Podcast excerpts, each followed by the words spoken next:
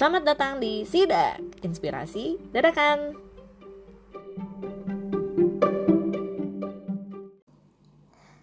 Hai teman-teman, kembali lagi di podcast Inspirasi Dadakan yang kita singkat menjadi Sidak, episode 3. Oke, jadi kali ini tema yang aku pengen angkat adalah mengenai nyaman dengan diri sendiri. Kenapa aku mau ngangkat topik ini? Karena aku rasa teman-teman di luar sana masih banyak yang ngerasa insecure dengan diri mereka sendiri. Eits, tapi perlu digarisbawahi, insecurity yang ingin aku bahas di sini tidak semata-mata mengenai uh, insecurity uh, internal, eh sorry, eksternal ya. Jadi kayak bukan insecurity mengenai penampilan atau mengenai edukasi, pokoknya something that we could see gitu kayak sesuatu yang bisa kita lihat misalnya eh dia cantik, dia ganteng, dia S2, dia S3, bla bla bla. Not that, but something deeper, something yang lebih dalam yang kayak aku pengen share ke teman-teman dan aku mau encourage teman-teman sekalian untuk berubah gitu kayak untuk menjadi orang yang lebih baik dengan meninggalkan segala insecurity itu. Pastinya dengan aku share ini bukan berarti aku sudah 100% perfect aku masih insecure iya. Tapi kadarnya sangat amat berkurang dibandingkan aku dua tahun yang lalu ya. I can say that. Karena dulu di awal-awal aku pindah ke Jakarta which is tahun 2016 bulan September itu aku kayak ngerasa aku bagaikan kertas putih. Yeah. nggak jadi kayak intinya I know nothing kayak bagaikan Jon Snow ya. Kalau kalian nonton Game of Thrones kayak you know nothing Jon Snow gitu kan? Kata Ygritte. Nah aku tuh kayak you know nothing Steffi gitu ya kan? Jadi kayak aku tuh ngerasa apalah aku gitu kan ya? Remah-remah rempeyek butiran debu gitu kan? Sangat amat menjadi target empuk lah waktu itu.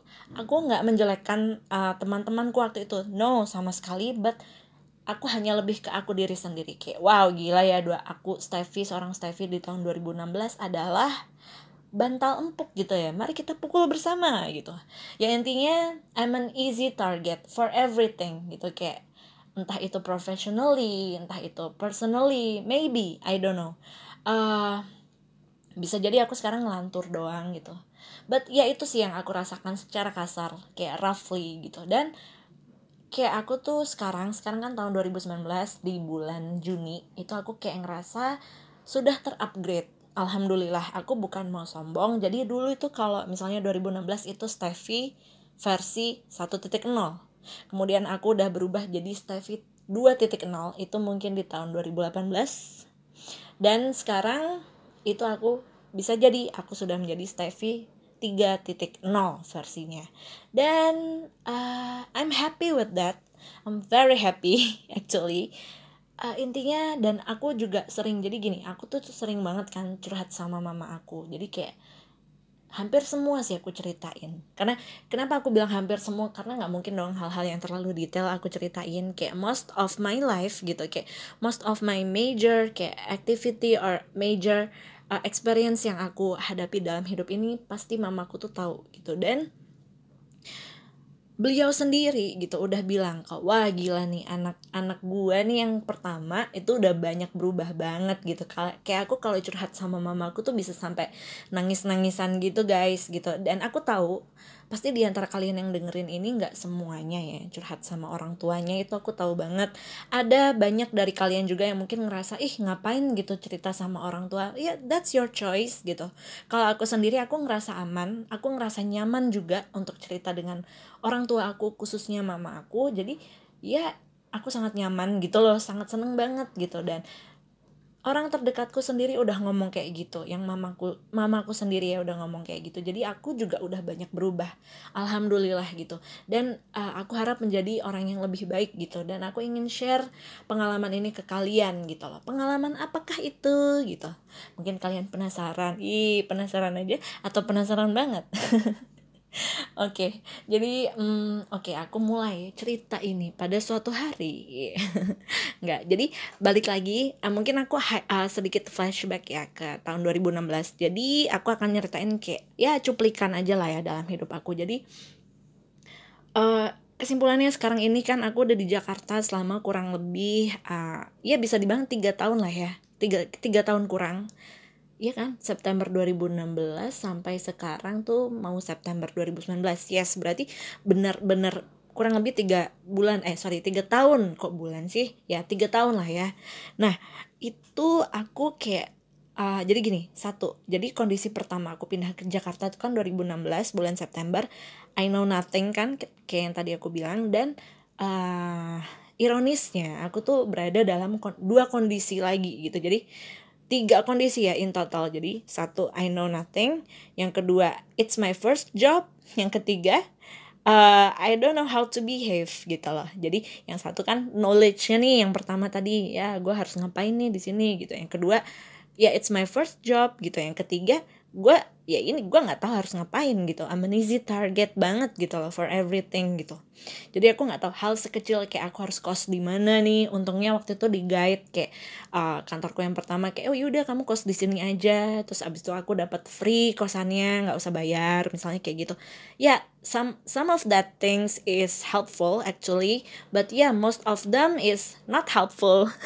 I mean that is that was a challenge for me gitu guys. Kayak ya udah gitu. Kayak ya gitu jadi 2016 cukup um, awal yang berat bagiku karena um, itu pertama kali aku pindah. Bisa jadi itu menjadi titik ya ini aku kayak sambil ngerekam tuh kayak aku lagi duduk dan aku kayak lagi titik gitu. Kayak itu merupakan sebuah tonggak gitu. Enggak sih jadi kayak 2016 itu aku benar-benar keluar dari zona nyaman oke? okay? It's real guys. Kayak kalian kalau sering dengar ada peribahasa atau kayak motivasi yang ngomong keluarlah dari zona nyaman. Dan aku sudah merasa, merasakannya teman-teman. Oke ini aku kayaknya udah ngomongnya ngomongku suka nggak jelas gitu. Jadi aku harus pelan-pelan ya ngomongnya ya, biar kalian yang dengerin juga enak. Jadi gini uh, kembali lagi. Jadi itu merupakan tonggak dan aku sudah keluar dari zona nyaman and it's real. Kayak the moment aku pindah ke Jakarta, the moment aku menapakkan kaki di tanah Jakarta ini aku kayak what? Is it real? I'm in Jakarta now. Gitu kayak versi lebalnya. Eh sorry versi lebaynya. Oke okay, Steffi you gotta do this slowly. Oke okay, ya. Yeah. versi lebaynya tuh kayak gitu. Kayak what? Gitu. Emang is it real? Gitu kayak oke okay, aku udah mulai lebay ya dari tadi. Ah, intinya se selebay itu sih sebenarnya waktu itu. Dan itu nggak mungkin aku teriakkan ke dunia gitu nggak kan? Jadi aku hanya keep it I kept it to myself gitu guys dan waktu itu for your information aku kerjanya di salah satu perusahaan swasta supply chain yang namanya mm -mm -mm. mungkin beberapa dari kalian udah tahu lah ya dengan aku menyebut ada tiga digit huruf mm -mm -mm, gitu. Mungkin kalian tahu dan waktu itu aku menjadi manajemen trainee di sana. Dan manajemen trainee waktu itu di sana nggak banyak ya nggak yang ratusan nggak yang puluhan tapi kurang dari 10 intinya. Jadi kita sangat amat uh, interak interaksi banget gitu satu sama lain. Nah dan ya udah dengan tiga kondisi tadi itu aku kayak oke okay, aku berjuang gitu untuk bekerja di Jakarta. It's my very first job it's my very first office it's my very first first experience as a perantau itu apa bahasa Inggrisnya tuh kan kalau kayak gini lupa kan. Nah intinya aku itu it's really a turning point for me gitu guys 2016 berjalan dengan segala kondisinya, dengan segala ketidakidealisannya itu. Dan aku cukup struggle menghadapinya, but I survived. Dan waktu itu juga uh, sayangnya tidak ber tidak berakhir dengan uh, sangat amat baik. Bukan berarti aku di di ini ya berhenti dengan secara tidak hormat atau enggak enggak. Tapi waktu itu ceritanya ya intinya tidak sesuai harapan. Dan artinya aku tidak terus di kantorku yang pertama itu. I, I don't continue I didn't continue my work there. Intinya aku uh, keluar gitu kan dari kantorku yang pertama. Dan I gotta move on ya kan? Aku kayak harus cari job lain gitu. Dan waktu itu pilihannya dua antara aku kembali lagi ke kotaku yang tercinta kota Malang atau aku survive di sini. Kayak aku harus uh, bertahan di sini dan cari kerjaan yang baru lagi di Jakarta lagi. Dan ya I know myself that time aku tahu banget bahwa deep inside aku tuh sebenarnya pengen banget kerja di Jakarta. Karena dari dulu uh, aku tuh tiap ditanya mau kerja di mana? Itu nggak pernah jawab perusahaannya guys. Kayak aku pengen kerja di misalnya ya ini kita semua tahu lah ya. Aku pengen kerja di Pertamina atau aku pengen kerja di PLN aku pengen kerja di Telkom. Nggak nggak kayak gitu. Aku kayak bener-bener di otaknya aku ini aku mikirnya aku pengen kerja di Jakarta titik. Dan itu bener sih apa yang menjadi niat kita itu akan terwujud gitu. Jadi ini sesuatu hal bukan cita bukan aduh bukan cita-cita tapi lebih ke arah suggest suggestion gitu loh teman-teman. Jadi aku tuh punya dari dulu tuh kayak aku selalu kayaknya alam bawah sadarku tuh udah kayak aku mau kerja di Jakarta aku mau kerja di Jakarta aku mau kerja di Jakarta terus kayak gitu. Karena apa? Karena dari dulu aku tuh kayak di Malang doang gitu. Dari kecil sampai kuliah kayak nggak pernah move on ke kota lain. Traveling juga jarang-jarang gitu kan ya yaudah muter aja hidupnya di Malang which is nggak buruk. Malang itu kota yang sangat lovely teman-teman sekalian yang belum pernah ke Malang. Yuk kita ke Malang yuk. Kita rasakan enaknya dan sejuknya kota Malang. But ya yeah, anyway Malang itu kota yang sangat amat tentram. Justru itu tadi itu menjadi zona nyaman aku. Apalagi yang namanya kamar aku guys. Udah deh itu kalian gak usah tanya. Itu jadi sarang burung lah ya kalau aku bilang. Bukan berarti berantakan tidak. Tapi itu menjadi tempatku. Gua aku gitu di Malang kayak aku seorang Steffi pasti ngendon di kamar gitu. Tapi bukan ngendon ngegame atau apa. Ya I do. Like I did my every activities in my room gitu kayak makan. Nggak baik sih. Makan nonton drama ngerjain skripsi everything. I did it in my room and I never go out. Like kayak ya ada lah pasti maksudnya ada tamu aku keluar atau apa but ya itu sangat amat ya ya gitulah. Tau lah ya anak-anak kamaran yang ngendon mulu di kamar ada tamu sebenarnya dipaksa dulu gitu. Ini nih ada tamu nih keluar dulu. Gitu nah kayak gitu. Nah aku tipe yang kayak gitu kalau nggak ada apa-apa ya udah aku di kamar. Dan itu sangat amat jelek. Jadi kalian yang suka ngendon di kamar nih ayo keluar jangan di kamar terus please. You gotta see the world guys. Come on oke? Okay? dan ya udah intinya kembali lagi ke yang tadi ceritaku. Jadi opsinya kan itu tadi kan aku antara lanjut di Jakarta atau aku pulang ke Malang. Dan aku di dalam aku sendiri itu aku sudah bertekad aku mau kerja di sini jadi apa pun yang terjadi aku I gotta continue my uh, ya udah my perjuangan di sini gitu. Dan aku apply dong. Jadi dengan semua uh, apa namanya fasilitas aku ada laptop ada apa ya udah aku apply dong. Buang CV ke mana-mana. Set set set gitu kan. Semua situs kayak set set set gitu. Nah alhamdulillah ya mungkin ini sudah menjadi rencana dari Allah ya. Jadi kayak aku diterima gitu. Dalam waktu yang cukup singkat maksudnya nggak yang perlu sampai tiga bulan gitu loh kayak aku keterima gitu di salah satu perusahaanku di kantorku yang kedua yang namanya adalah mm -mm -mm -mm -mm. mm. nah kalian yang teman-temanku pasti udah tau lah ya kalian kalau bukan teman-teman aku dan penasaran ya udah buka aja linkin aku yeah, promosi dia ya buka buka aja linkin aku di Steffi Melati Ahlam oke okay? dan kalian akan tahu apa kantor keduaku intinya kantor keduaku ini adalah sebuah perusahaan tools yang mm, menjual ya tau lah ya tools kayak mulai dari mesin bukan mesin ya gimana ya? Intinya tools itu ada dua lah ya ada hand tools ada power tools. Jadi kayak ada mesin-mesin yang tanpa baterai atau listrik ada mesin yang pakai listrik gitu. Jadi kayak misalnya ada tang ada palu ada obeng kemudian ada mesin bor mesin gergaji gitu dan ya wow a new thing kan gitu. Aku kan cewek. Aku bukan mendiskreditkan cewek ya. Tapi ya aduh cewek gitu. Ada gitu yang pernah megang mesin bor gitu tiba-tiba. Ya paling satu di antara sepuluh wanita yang pernah kan. Nggak ada gitu. Sepuluh di antara sepuluh wanita pernah memegang mesin bor. Kan enggak gitu. Loh jadi ini it's a completely new thing for me gitu kan kenapa logat aku jadi India begini ya. Jadi intinya uh, ya itu aku kayak wow gitu. Habis kerja di perusahaan yang supply chain yang pergudangan itu kemudian aku menjadi seorang tulian ya tulian vocab apa ya itu? Intinya sebagai orang yang mengerti akan tools gitu kan ya. Dan ya udah aku belajar aja gitu di sana aku jadi marketing FYI marketing di sini itu sebenarnya dan di sini aku tahu lah intinya duh aku belajar banyak banget sih teman-teman sebenarnya.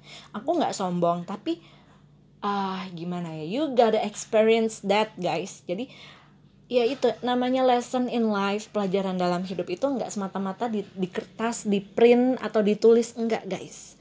Hal-hal yang nggak nggak terlihat atau sesimpel omongan temen ke kamu itu kayak bisa menjadi pembelajaran yang sangat amat bagus gitu loh bagi kalian.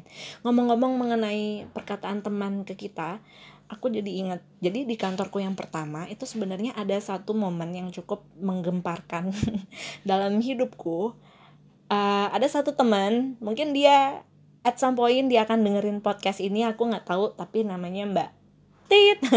Aku bukan aku nggak mention bukan karena ini aku mau cerita kejelekan enggak jadi aku lebih ke menghargai privasi. Aku nggak mau kayak sebut-sebut nama orang di podcast aku ya. Khawatir ada ya nggak tau lah nanti. Pokoknya intinya ya udah kita kita sebut saja namanya. Yeah. misalnya ada si uh, A gitu namanya. Nah temanku si A ini uh, kayaknya dia tuh orangnya cukup belak-belakan. Dia mungkin udah hidup cukup lama juga di sini dengan segala culture dan kebiasaan orang ibu kota gitu. Dia aslinya kayaknya aku lupa lupa. Pokoknya Jawa Barat apa ya aslinya. Tapi intinya dia kayak udah lama lah ter terekspos dengan kehidupan di sini. Dan ya udah gitu. Jadi intinya nggak yang pengennya apa ngomongnya apa enggak jadi dia kayak cukup straightforward gitu. Dan waktu itu ada satu momen di mana saat aku di gudang di kantorku yang pertama itu kayak aku ya itu tadi guys karena tiga poin tadi yang I know nothing bla bla bla itu aku jadi pengikut setia gitu. Kayak aku semacam follower. Jadi aku kayak semacam parasit deh kalau kata Gita Gutawa. Tapi bukan parasit yang gimana ya? Agak kejam juga ya kalau aku menganalogikan diriku sendiri dengan parasit. But maksudnya gini loh aku tuh nggak tahu gitu loh. Aku nggak tahu harus berbuat apa gitu loh. Kayak misalnya di warehouse kita harus melakukan improvement. Oke okay, oke okay, I know I gotta start somewhere. But apa gitu yang harus aku lakuin gitu. Nah intinya waktu itu ada kerja jadi uh, waktu aku jadi manajemen training di perusahaan yang pertama kita kan kayak ada tugas kelompok. Nah pastinya dalam tugas kelompok kita harus melakukan project bareng kan gitu. Nah tapi bukan berarti kita tuh nempel terus kayak perangko gitu kayak di gudang kita harus sama-sama yuk kita sama-sama ngecek yang itu yuk yuk. Dudut-dudut ke sana. Kan enggak gitu. Tapi kita harus saling kasih insight yang berbeda dong dalam satu kelompok. Oke dia mikirnya dari sisi apa, teman yang lain. Kita sendiri mikirnya dari sisi apa. Nah itu loh mungkin yang waktu itu aku nggak lakuin. Yang instead instead of doing that, aku kayak nempel aja gitu sama temanku kayak mau ke mana yuk kita lihat bareng, ke mana lihat bareng. Nah kayaknya temen aku yang ini itu dia kayak agak sedikit apa sih lo gitu kayak apa sih gitu loh kayak mungkin aku tuh waktu itu dirasa sangat annoying buat dia ya kayak anjir nih anak nempel mulu dah gitu loh kasarannya gitu. Maaf maaf nih mbak kalau dengerin. Tapi intinya gitu uh, kayak ini aku kayak bener-bener memetik hikmah dari kejadian itu. Jadi kayak uh, jadi di suatu siang yang cerah gitu kayak mbaknya tuh kayak marah gitu loh ke aku kayak aku lupa ya exactly dia tuh ngomong apa tapi kayak hmm, dia ngomong gini uh, yang jelas sih marah ya waktu itu kayak kesel lah kesel gitu. Dia ngomong ngapain sih lo ikut gue terus? Nah kurang lebih kayak gitu. Kayak uh, versi pendeknya kan tadi ya versi panjangnya kayak ngapain sih lo ngikut gue terus? Emang lo nggak ada kerjaan lain ya? Ya udah lo kerjain yang lain kayak nggak usah nempel gue mulu. Nah mungkin itu versi panjangnya.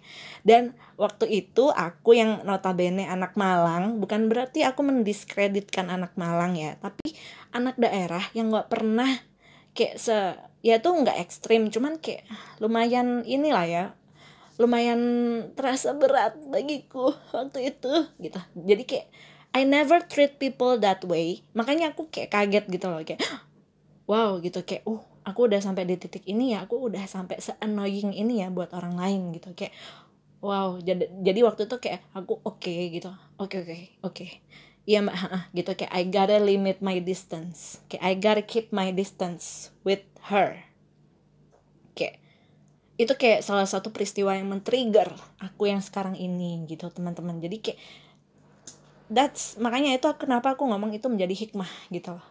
Kayak wow memang kita harus kadang mengalami hal-hal seperti itu sih guys yang menjadi tolak ukur. Bukan tolak ukur sorry kayak menjadi milestone kita. Jadi dalam hidup itu pasti ada kayak major major uh, experience lah yang kita miliki yang membentuk kita shaping ourselves into our better version into our better version. Oke, okay, sorry kalau uh, kadang Inggrisku agak gelagapan ya, karena ya ini aku mungkin terlalu berapi-api teman-teman, jadi aku ngungkapinnya kayak ya gini lah, aku harus lebih slow down baby, take it easy, just let it flow, woo, gitu kan kalau kata she, ya ampun ngomong apa sih gitu. Tapi oke okay, kalian masih on track kan guys? Jadi kan tadi ceritanya aku flashback dikit nih ke yang kantorku pertama. Padahal tadi kan masih dibahas kantorku yang kedua kan yang aku menjadi tulian ya aku menjadi anak tul. Nah intinya di kantor yang kedua ah ini parah sih. Di kantor yang kedua aku belajar kayak banyak banget gitu. Versi Jawa nih ngono loh rek. Jadi kayak banyak banyak banyak banget gitu. Kayak wah kayak tenan nih ngono loh. Karena wow ini aku kayak ketemu banyak banget orang. Kayak this is my real job experience kalau aku bilang. Kalau yang pertama tadi mungkin aku kayak masih jet lag gitu kan ya. Kayak baru dari Malang terus pindah ke Jakarta dengan tiga kondisi tadi. Tiga kondisi ya. Ingat kan kalian apa? Kalau enggak silahkan di next di forward di backward sorry. Di backward ke menit-menit yang awal ya guys. Uh, dengan kondisi itu. Dan yang kedua ini parah sih aku belajar banyak banget. Dan ya thankful banget gitu ke teman-teman aku di yang kantor kedua ini dari bos-bos aku. Dan for your information di kantor yang kedua aku nih udah ganti bos banyak. Sebentar aku hitung ya. Hmm. Hmm. Hmm. Tiga atau empat. Mungkin yang empat ini yang terakhir nggak dikonsider sebagai bos karena dia sebenarnya acting doang. Hai buat mungkin ada yang dengerin nih mungkin kamu dengerin gitu. Ya FYI halo gitu. Nah intinya empat kali ya aku ganti bos di kantorku yang kedua. Dan wow what an experience gitu kan? But yeah I experienced that. Dan uh, wow belajar banyak banget sekali lagi. Dan itu tadi kenapa itulah hal yang membuat aku berubah menjadi Steffi versi 2.0 gitu. Karena aku tapi ini lebih ke arah professionally ya gitu. Jadi kayak aku sangat banyak uh, improve atau berkembang di sisi profesional aku gitu. The way I communicate with people the way I work the way I present my slide my deck gitu. Kayak everything. Kayak aku kayak ya anjir. Coba di kantor yang pertama aku udah dapet ilmu-ilmu di kantor yang kedua ini ya gitu loh. Sampai aku di titik kayak gitu gitu pantas aja di kantor yang pertama aku begini.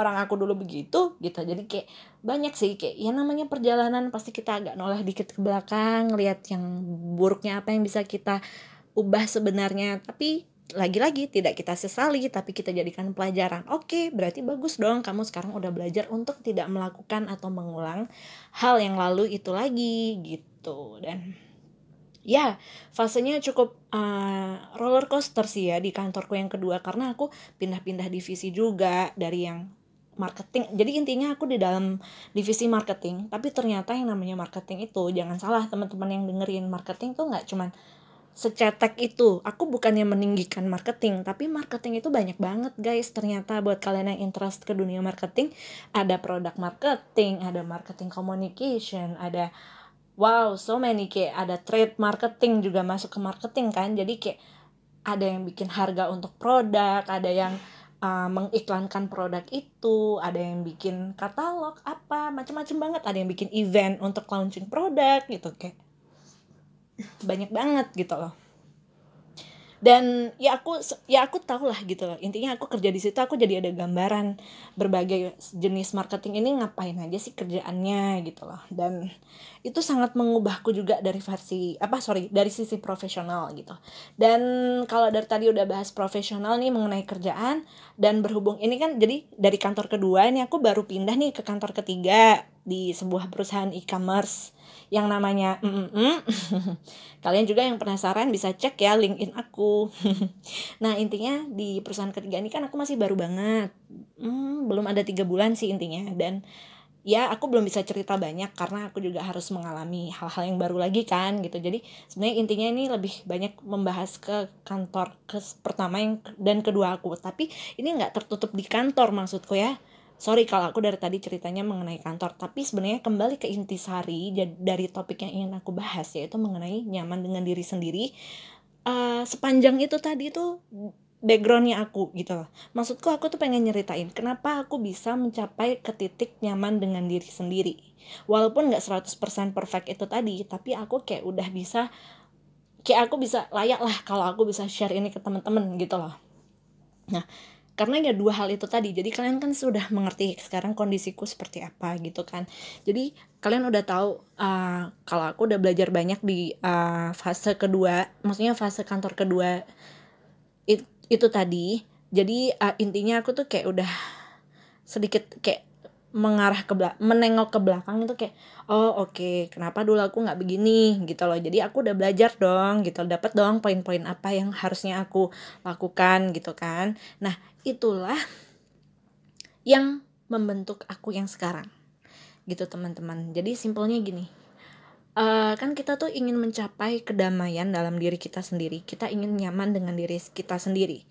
Caranya gimana sih? Jadi the first the very first step that you have to go through is to believe in yourself and to know what is your self worth. Sorry, what your self worth. Oke. Okay? Jadi gimana ya teman-teman ngomongnya ya. Jadi Sebelum kalian berangkat ke mana-mana, kalian mau nyaman sama diri sendiri. Intinya, kalian harus tahu siapa sih kalian, gitu loh. Di mana sih kalian sekarang? Level berapa sih kalian sekarang ini, gitu loh. Dibandingkan orang lain, kalian di titik yang mana sih, gitu loh. Jadi, uh, kenapa aku butuh data-data itu tadi? Kenapa kita perlu uh, mengetahui tempat kita yang ada sekarang? Karena itulah yang menjadi dasaran kita dalam bertindak. Itulah yang menjadi dasaran kita dalam menghadapi challenge atau tantangan kita sehari-hari gitu. Jadi gini, uh, kalau aku deskripsikan dengan lebih jelas menggunakan contoh, jadi misalnya nih hidup itu skornya 0 sampai 100 ya. Seorang manusia hidup di dunia ini tuh skor dia 0 sampai 100. Nah, teman-teman sekalian nih, sekarang levelnya udah di mana nih? Skornya ada di mana nih? Kalian kan bisa nakar nih bisa jadi kalian di 20, bisa jadi kalian di level atau skor 50. Nah, kalau ditanya, kan beda-beda tiap tiap orang, beda-beda step tiap orang. Iya ben benar, betul. Tapi itu kan roughly ya, maksudnya nggak ada lah patokan yang benar-benar benar di dunia ini kan. Tapi yaudah between 0 to 100, 100 ya di mana posisi kalian sekarang gitu loh. Ibarat kata nih kalian di posisi 50 kita bilang lah ya di tengah-tengah gitu loh. Karena mungkin dari umur kan kita ya kalau enggak lah kita di 2, 25 lah posisinya. Kita sesuaiin sama umur misalnya ya sekarang kan kita di umur quarter life lah ya. Maksudnya teman-teman kalian yang denger teman-teman sekalian yang dengerin mungkin umurnya sama kayak aku di 25-an intinya anak milenial gitu nah itu kan berarti skornya sekarang misalnya di 25 atau 30 kan nah ini menjadi pegangan kalian gitu loh. Jadi gini, kalau kalian sebagai orang yang dengan skor 25 sampai 30 tadi di treat bagaikan anak yang skornya 0 sampai 10, apakah kalian terima? Nah, tunggu dulu di treatnya ini gimana? Jangan kalian pikir di treat yang negatif atau yang gimana. No tapi di treat ke kehidupan sehari harinya itu loh. Jadi kalau kayak gini di treatnya tuh kayak cara kalian diajak ngomong cara kalian diajak uh, dimintai pendapat gitu loh. Apakah kalian sudah dikonsider bagus? Apakah kalian udah dikonsider penting oleh orang lain? Nah itu kan yang jadi patokan. Jadi gini uh, memang hidup itu kita ada fasenya ya teman-teman. Dari mulai balita semua lah SD SMP SMA kuliah kerja you name it. Kan banyak banget gitu. Nah tapi uh, fase-fase ini pastinya udah banyak banget evolusi yang kita alami kan. Banyak banget. Teman-teman juga ceritanya pasti beda-beda tiap orang dengan segala problematika hidupnya. Tapi ya itu tadi kita aku pengen coba nih. Jadi kayak kita bukan kalibrasi ya kayak kita coba uh, uh, kayak bersama-sama memulai di titik yang datar lagi bersama. Jadi semua segala fase kan saya sampai sekarang nih kita posisiin di kita di umur 25 ini tadi kan. Nah ini tuh kita coba bersama-sama menakar diri sendiri kita levelnya di 0 sampai 100 tuh di mana oke? Okay? jadi kita dari situ tahu kita harus behave seperti apa. Jadi misalnya kita emang udah dewasa nggak menutup kemungkinan kita secara personal misalnya agak childish gitu. Kayak aku sendiri aku menilai diriku mungkin cukup childish in terms of guyonan in terms of uh, ya itu tadi uh, mungkin aku masih sedikit baperan orangnya gitu. But ya yeah, you you you have your own challenge lah ya guys gitu. Semua orang punya kekurangan.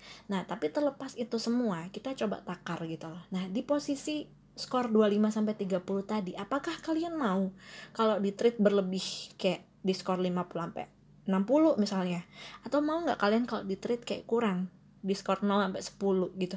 Pastinya kan nggak mau. Ya di treatnya itu tadi loh yang aku bilang kayak cara orang ngomong ke kalian cara orang bersikap ke kalian. Itu kan kalian yang harus mendefine itu tadi.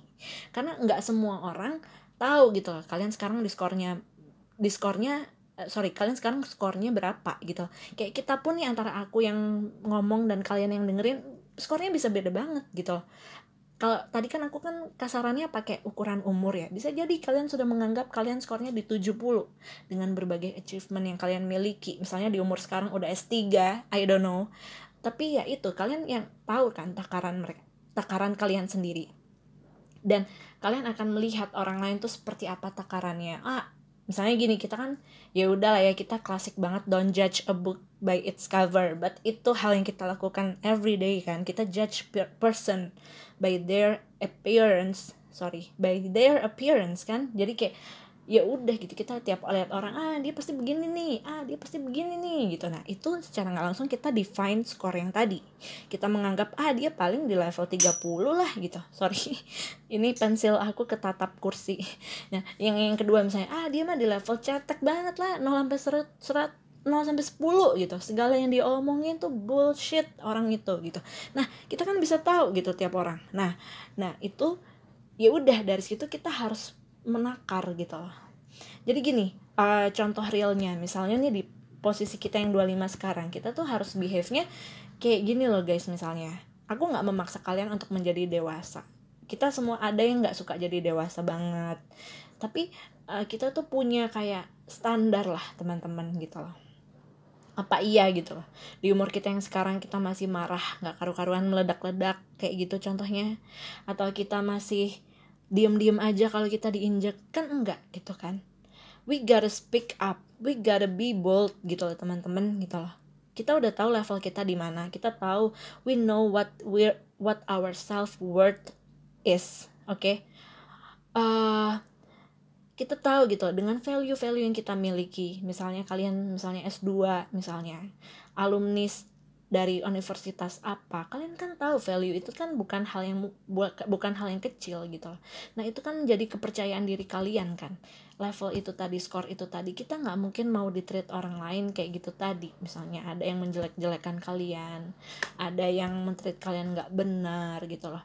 Nah aku nggak encourage teman-teman untuk oh segalanya pokoknya orang yang semua ngomong apakah aku positif negatif aku tebas gitu. Kayak ah tidak tidak gitu misalnya. Eh kamu kok gini? Tidak gitu. Enggak. Tapi kayak ya udah cara kalian ngerespon itu nah itu loh yang ngedefine kalian oke? Okay?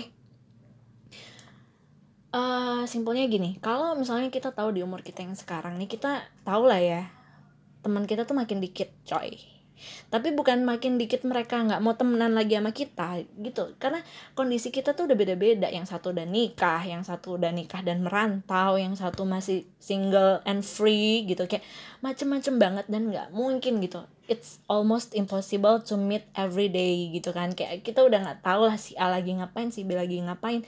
Hanya berbekalkan sosial media mereka gitu loh.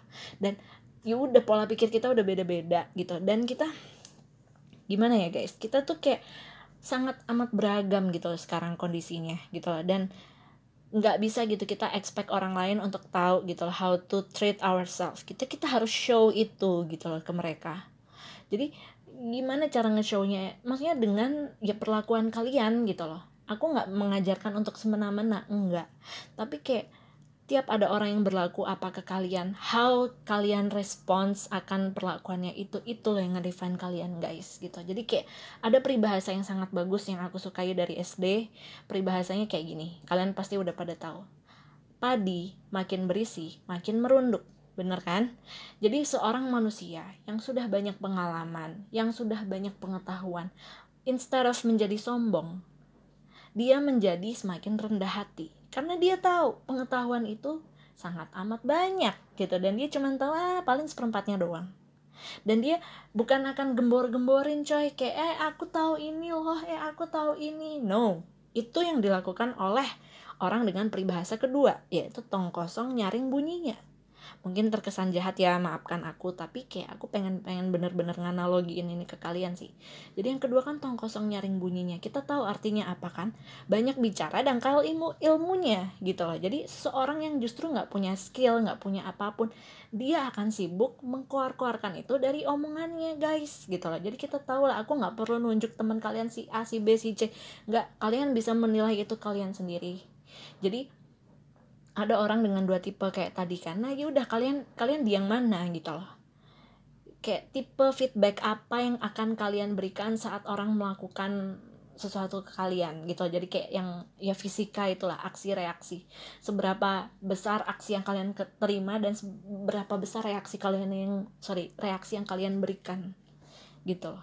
Jadi kayak ya itulah yang menjadi akar dari kenyamanan dari diri sendiri gitu loh guys. Jadi dengan apa ya dengan bersikap sesuai dengan apa yang kita anggap benar tadi kita tuh udah menjadi nyaman dengan diri kita sendiri.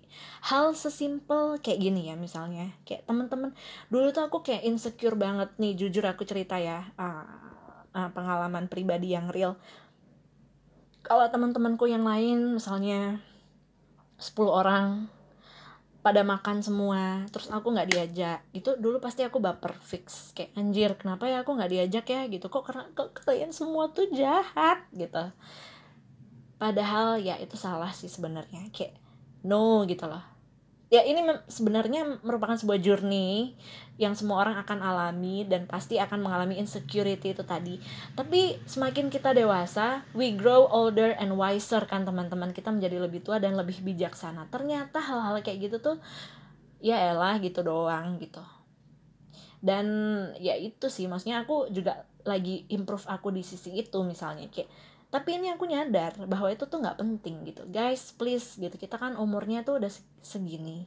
Kalian tuh ya ampun kalian udah kerja di perusahaan yang bagus lah ya gitu. Kalian gaji juga gede lah ya gitu. Maksudnya di lokasi mana pun yang kalian alami sekarang yang kalian hinggapi yang kalian hidupi sekarang ada yang di Surabaya misalnya ada yang di Sumatera apa ya udah cukup kan itu gaji buat kalian kan kalian bisa nonton kan gitu loh. Maksudnya more than enough sih gitu loh dengan despite of all the challenge that you faced ya guys. Tapi ya ya udah gitu loh kalian tuh cukup gitu loh. masa iya gitu loh kita dengan value-value yang bagus itu masih secetek itu sih guys gitu loh please gitu loh.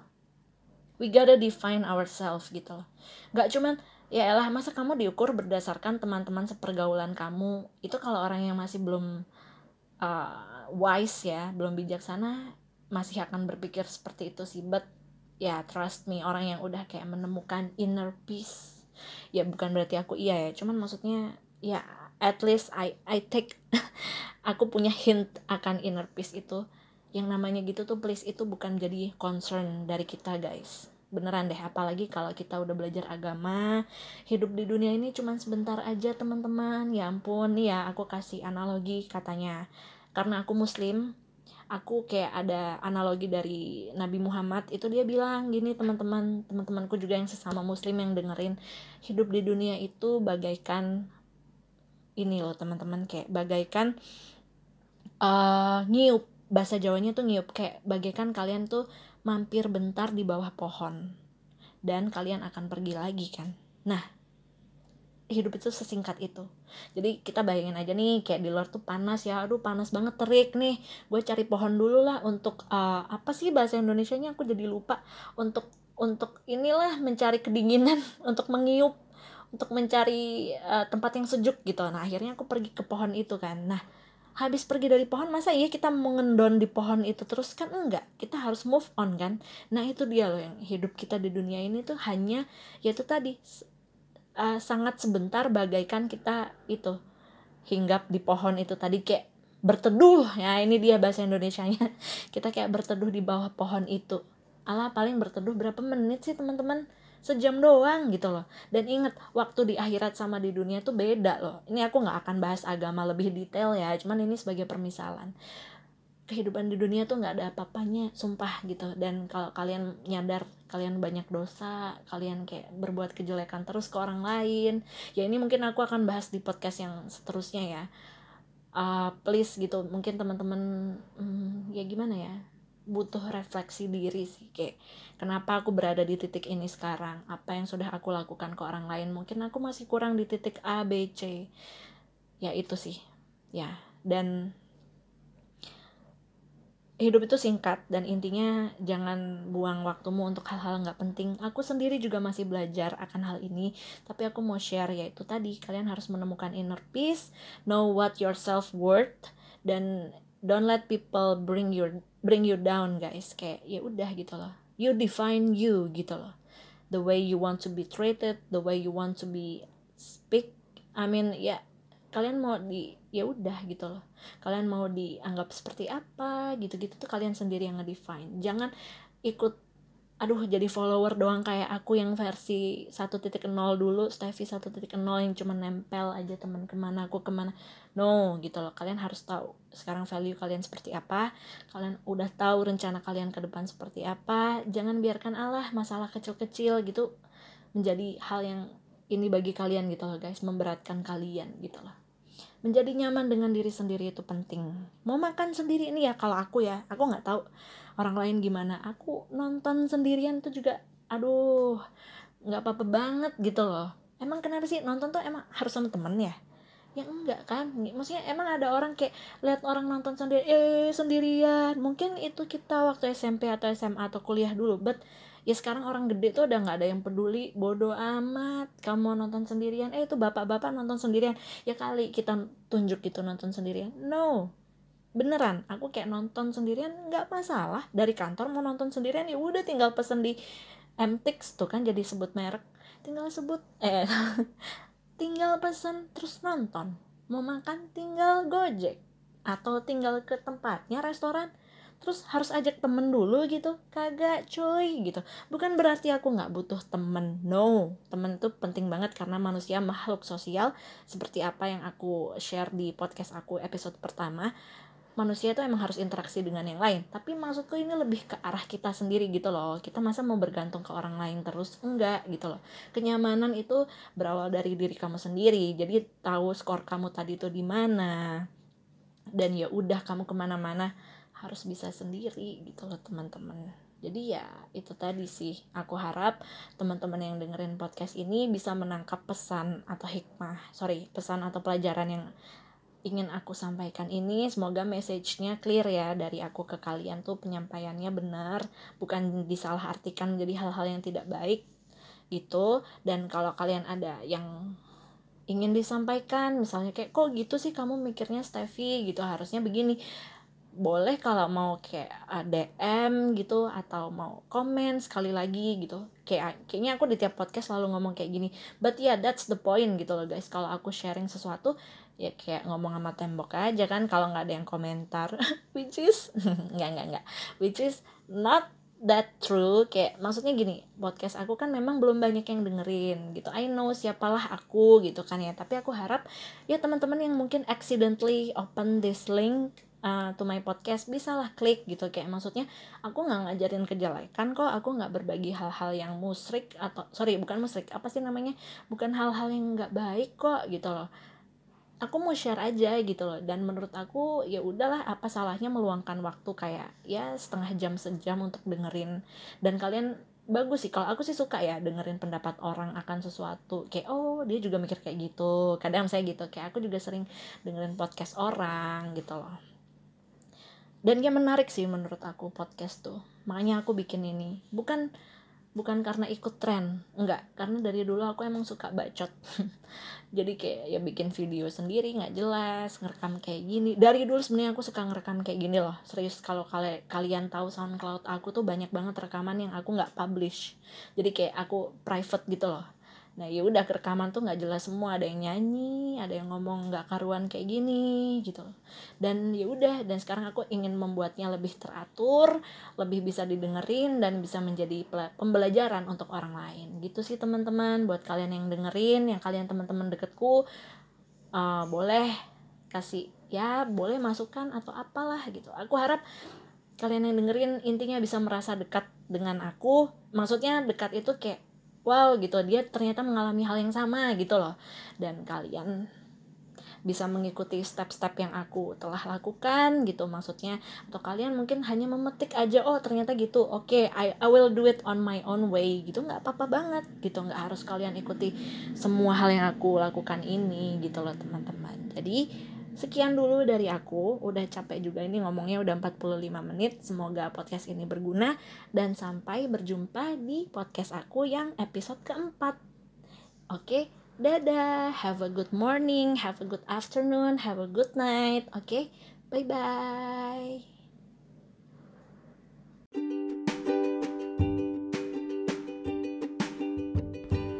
Terima kasih sudah mendengarkan inspirasi dadakan cek episode yang lainnya ya.